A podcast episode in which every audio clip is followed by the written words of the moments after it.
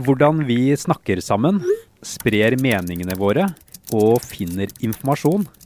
Alt har endret seg etter at vi fikk mobiltelefonen og dekning omtrent overalt. Med den har vi fått større frihet til å delta i samfunnet.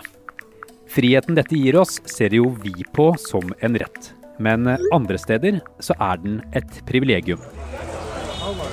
Nettopp denne friheten hadde selskapet Telenor bl.a. et ønske om å bringe til Myanmar da de etablerte seg i det asiatiske landet.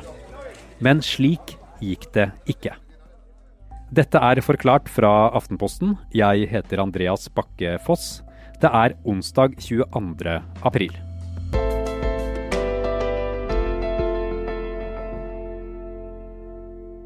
Myanmar, som vi tidligere kjente som Burma, var eh, kjent som et av verdens verste og mest lukkede militære diktaturer. Kristoffer Rønneberg er utenriksjournalist i Aftenposten, og har skrevet boka 'Veien til Mandalay' om demokratiseringsprosessen i Myanmar. For rundt uh, ti år siden så begynte landet å bevege seg mot demokrati, og i 2015 så ble det holdt et relativt fritt valg.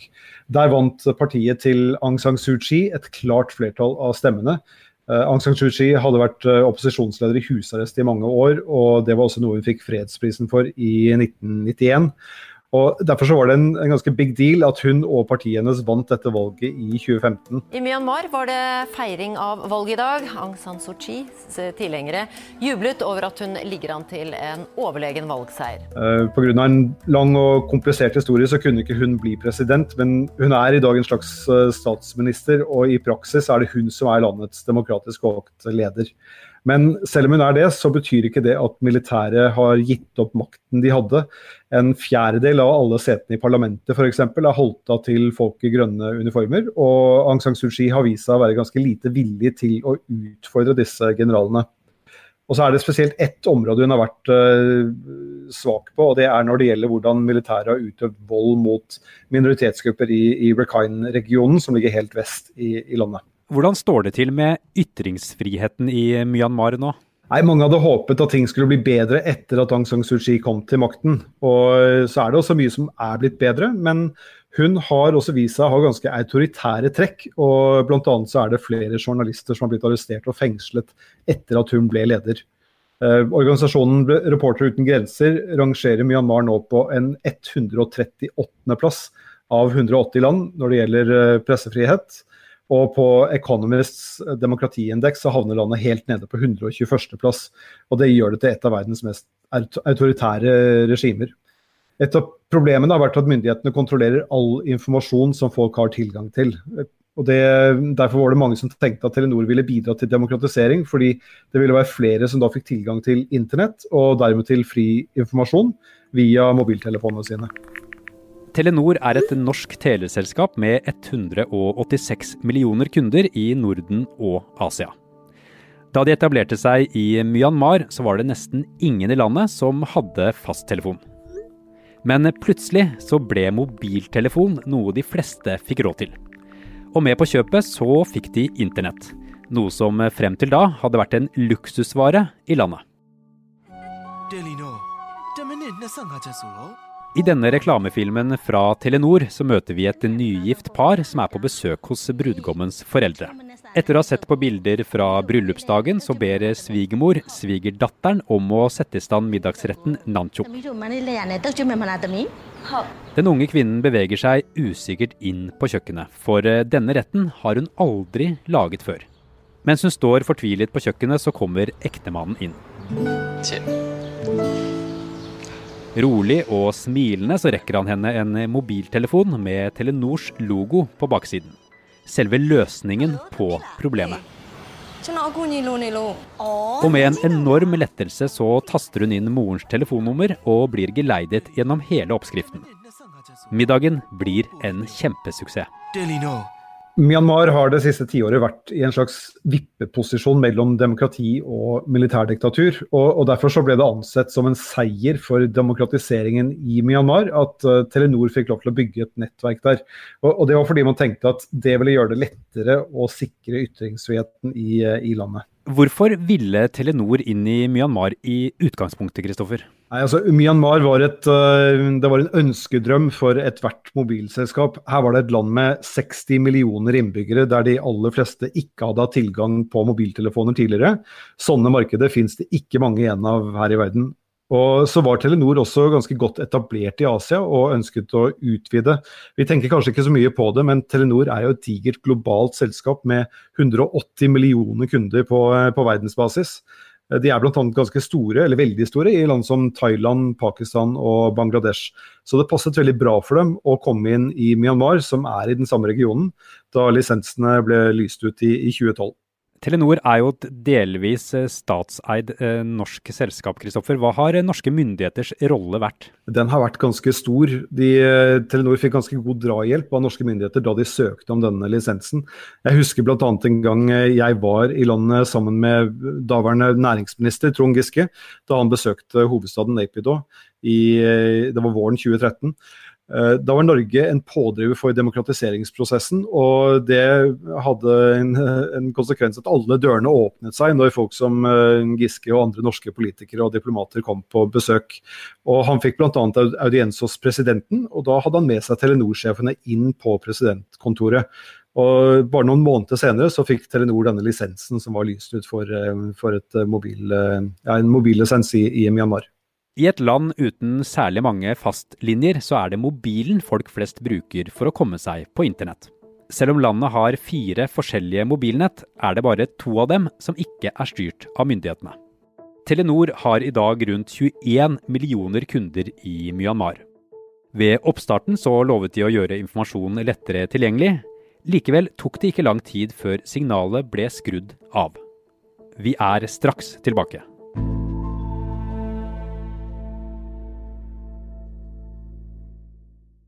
Kristoffer, da Telenor startet opp i Myanmar, så trodde mange at landet ville bli eh, et demokrati.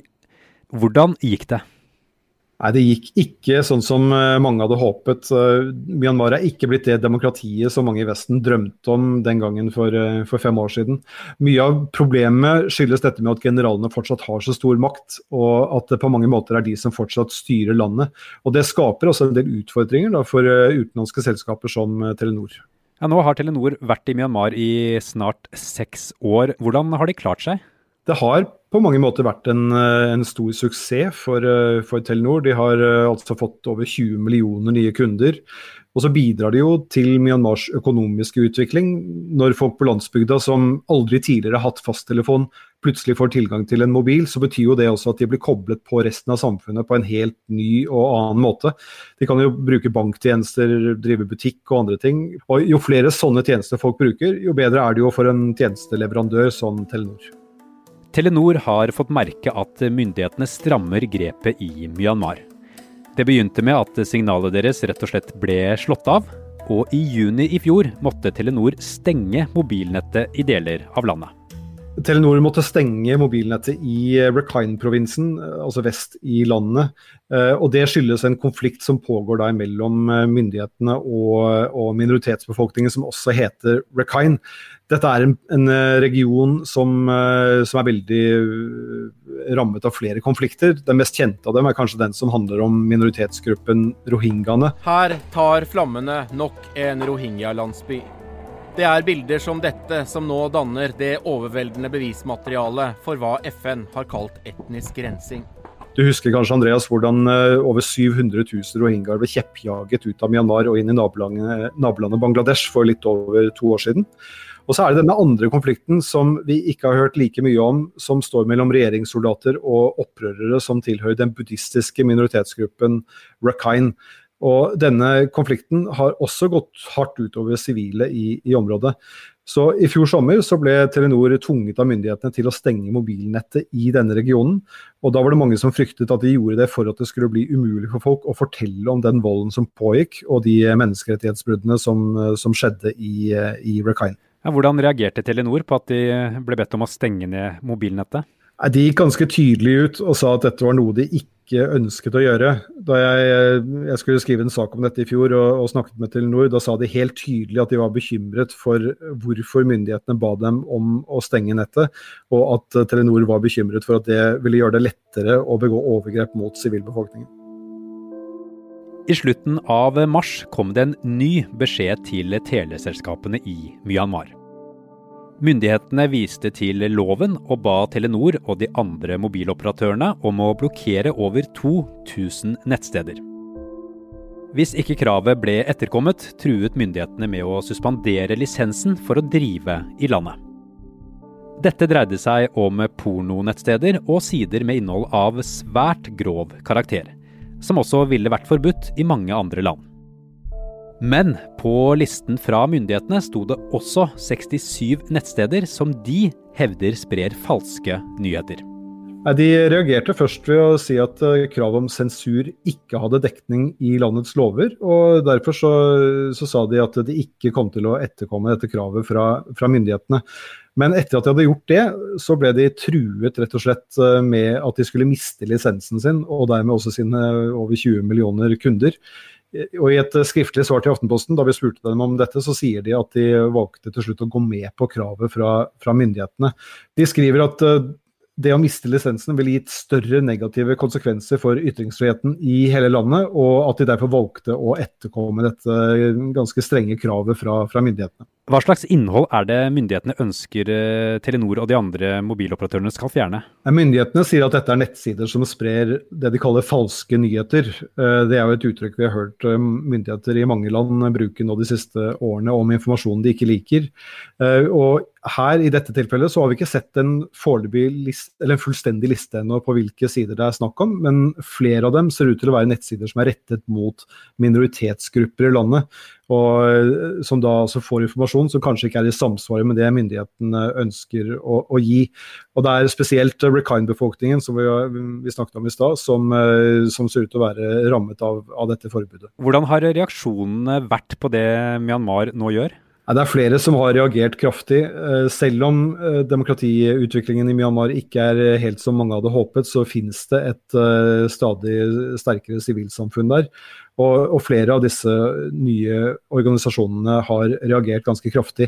Så det er eh, et, eh, et, opprop som er kommet ut, som er underskrevet av over 250 menneskerettighetsorganisasjoner og enkeltpersoner, der de protesterer mot denne sensuren og sier at den er veldig skadelig. Og I tillegg til dette så har det kommet eh, protester fra internasjonale organisasjoner. Og ikke minst så, så, reagerer folk fordi dette, denne sensuren av mobilnettet skjer samtidig med at flere redaktører i nettaviser som er rettet mot minoritetsgrupper, er blitt arrestert i Myanmar i det siste. Men hvilke andre valg hadde Telenor egentlig enn å gå med på å sensurere internett? Det, det, er vanskelig å si. Jeg er helt sikker på at Telenor-ledelsen har tenkt ganske lenge over denne vurderingen. Og når de også er så tydelige på at de ikke ville la seg sensurere til å begynne med, så har de nok prøvd det de kunne for å unngå å gjøre det. Men uh, dette er jo som sagt et uh, autoritært land med veldig begrenset rettssikkerhet. Og da kan det virke som om Telenor-ledelsen kom fram til at myndighetenes trusler var noe de burde ta på alvor. Altså Hvis de hadde mistet lisensen, så ville det vært ganske enkelt for myndighetene å bare rykke inn og, og, la et av sine selskaper overta Telenor sine kunder. Og da ville jo sensuren vært enda lettere å gjennomføre. Norge og mange andre land i verden har i mange år jobbet for og håpet på en demokratiseringsprosess i Myanmar. Så hvorfor har det ikke gått som de har håpet? Nei, Det er et stort og vanskelig spørsmål å svare på. Altså, mye handler nok om at mange hadde urealistiske forventninger både til Aung San Suu Kyi og til uh, hvor raskt det ville være mulig å endre landet generelt. Uh, noe handler kanskje om at lederne i landet tenker at de må ha en sterk statsmakt for å få løst uh, alle de etniske konfliktene rundt om i landet. Og så kan noe handle om store bevegelser i, i verden, altså om geopolitikk. Det var, eh, det var, et håp etter eh, valget i 2015 at USA og Vesten skulle komme inn med friske penger og, og investere heftig i Myanmar. Det er litt sånn som Telenor har, har, gjort. Men det var ikke så mange andre som fulgte etter, så det ble ikke noen sånn stor boom fra vestlige selskaper. I stedet så er det Kina og kinesiske selskaper som har fått et stadig større grep om markedet i Myanmar. Og det er jo ikke akkurat en pådriver for eh, demokratisering.